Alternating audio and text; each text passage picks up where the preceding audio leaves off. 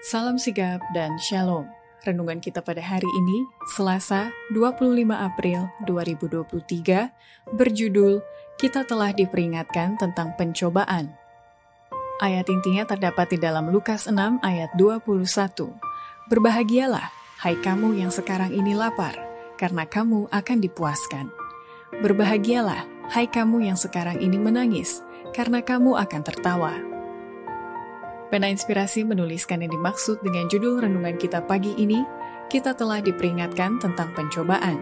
Adalah sebuah panggilan kehidupan yang praktis agar kita bisa senantiasa bersuka cita melewati kesukaran sebagai faktor yang menunjang kebahagiaan sejati dan sarana untuk memulihkan hubungan kita secara vertikal kepada Tuhan dan horizontal dengan sesama sebagai berikut. Pertama, Tujuan ajaran Yesus bahwa kita telah diperingatkan tentang pencobaan adalah untuk menentukan kemampuan hidup kita yang akan datang.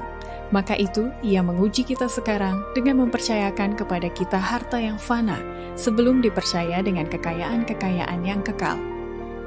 Kita ditempatkan dalam pencobaan di dunia ini untuk menentukan kemampuan kita untuk hidup yang akan datang. Tidak ada yang bisa masuk ke surga yang tabiatnya dicemari oleh noda mementingkan diri yang kotor.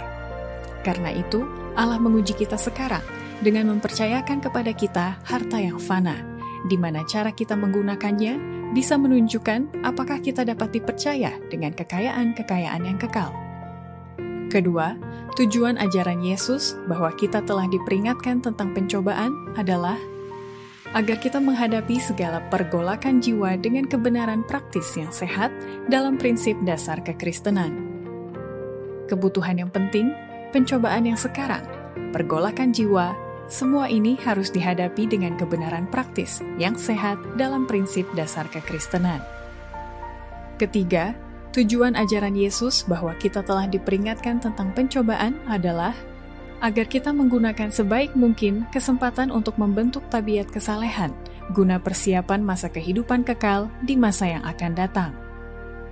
Masa pencobaan hidup di atas dunia saat ini adalah agar kita menggunakan sebaik mungkin kesempatan untuk membentuk tabiat kesalehan, guna persiapan masa kehidupan kekal di masa yang akan datang.